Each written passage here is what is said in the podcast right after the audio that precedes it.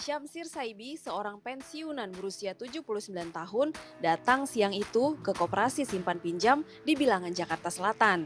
Di koperasi yang beranggotakan orang terkait Bank BNI itu, ia ingin mengetahui sudah seberapa besar dana simpanannya selama bekerja di bank pemerintah tersebut.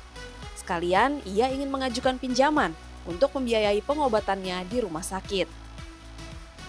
Ia menyadari dirinya gaptek alias gagap teknologi tapi tak menampik bahwa seharusnya ia bisa melakukan pengecekan dananya dan membuka pinjaman tanpa harus datang ke kantor koperasi.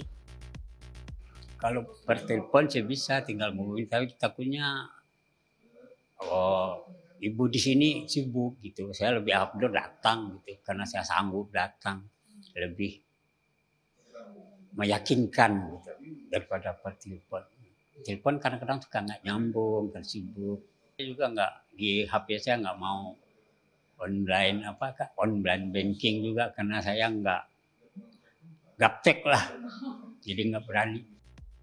Ketua Pengurus Koperasi Simpan Pinjam Swadharma Warsul Anwar mengakui digitalisasi memang membuat pekerjaan lebih cepat dan efisien. Namun transaksi simpan pinjam koperasi belum bisa seperti perbankan yang lebih kompleks, sehingga punya layanan internet banking. Ditambah faktor anggota yang sepertiganya merupakan lansia masih membutuhkan waktu untuk terdigitalisasi sepenuhnya. Kami punya anggota lebih kurang 10.000 orang, ya kan? Itu kira-kira 30-35 persen itu pensiunan. Pensiunan yang mungkin sudah uzur, sudah berumur, dan mereka sebetulnya datang ke koperasi itu bukan hanya sekedar e, melaksanakan aktivitas itu, tapi juga ada faktor silaturahmi juga, mungkin janji ketemu kawan-kawannya di sini, para pensiunan yang sudah 10 tahun, 15 tahun gitu kan ya. Nah, jadi eh, kita bertahap nanti kita arahkan juga ke sana supaya mereka nggak terlalu sering juga banyak datang ke kita gitu Mbak. Deputi Perkoperasian Kementerian Koperasi dan UKM Ahmad Sabadi mengatakan modernisasi koperasi bisa dicapai jika sudah terdigitalisasi yang nantinya akan berdampak baik pada kesejahteraan anggotanya. Melalui digitalisasi koperasi, pertanggungjawaban bisnis menjadi transparan dan akuntabel, serta memudahkan anggotanya mengakses pelayanan koperasi. Namun, digitalisasi juga memerlukan kesiapan modal dan perubahan pola pikir dari para anggotanya. Memprioritaskan pada koperasi-koperasi yang memang belum banyak sentuhan eh, teknologi kita digitalnya tadi untuk kemudian kita juga uh, apa uh, kembangkan uh, proses bisnisnya dengan menggunakan digital tadi.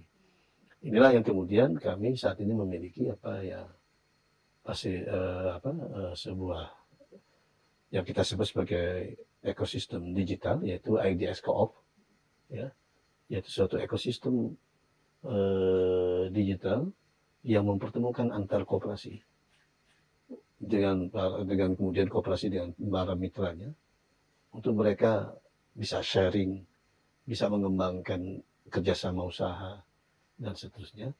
Sehingga yang ini dipandu oleh uh, sedikitnya sembilan provider.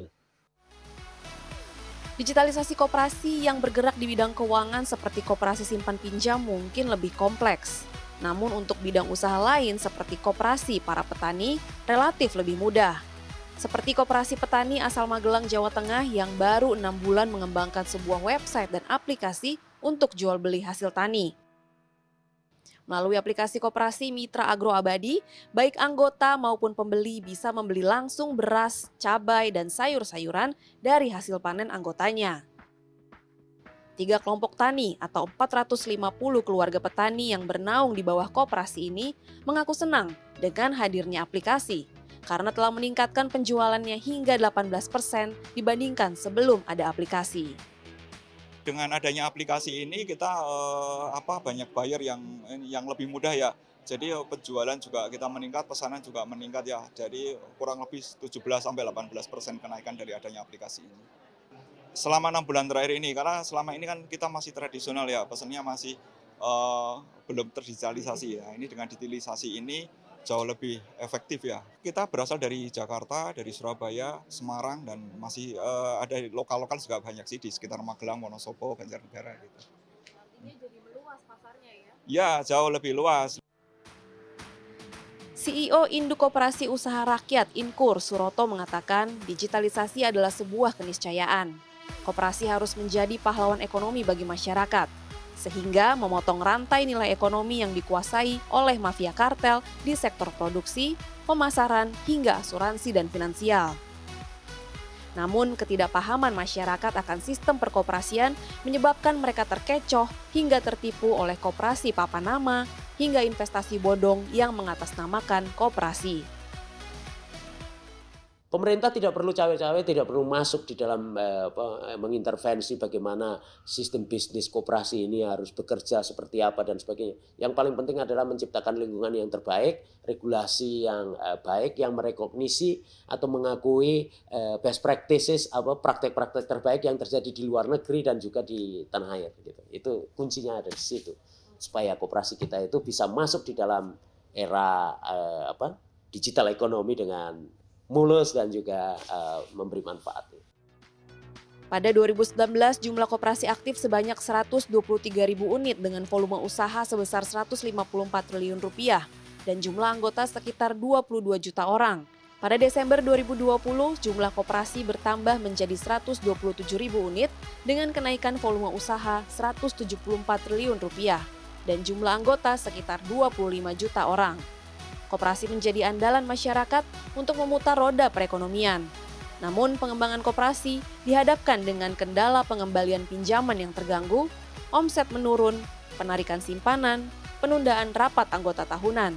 Digitalisasi dinilai bisa menjawab tantangan ini. Desya Ritonang, Maria Oktober, CNN Indonesia.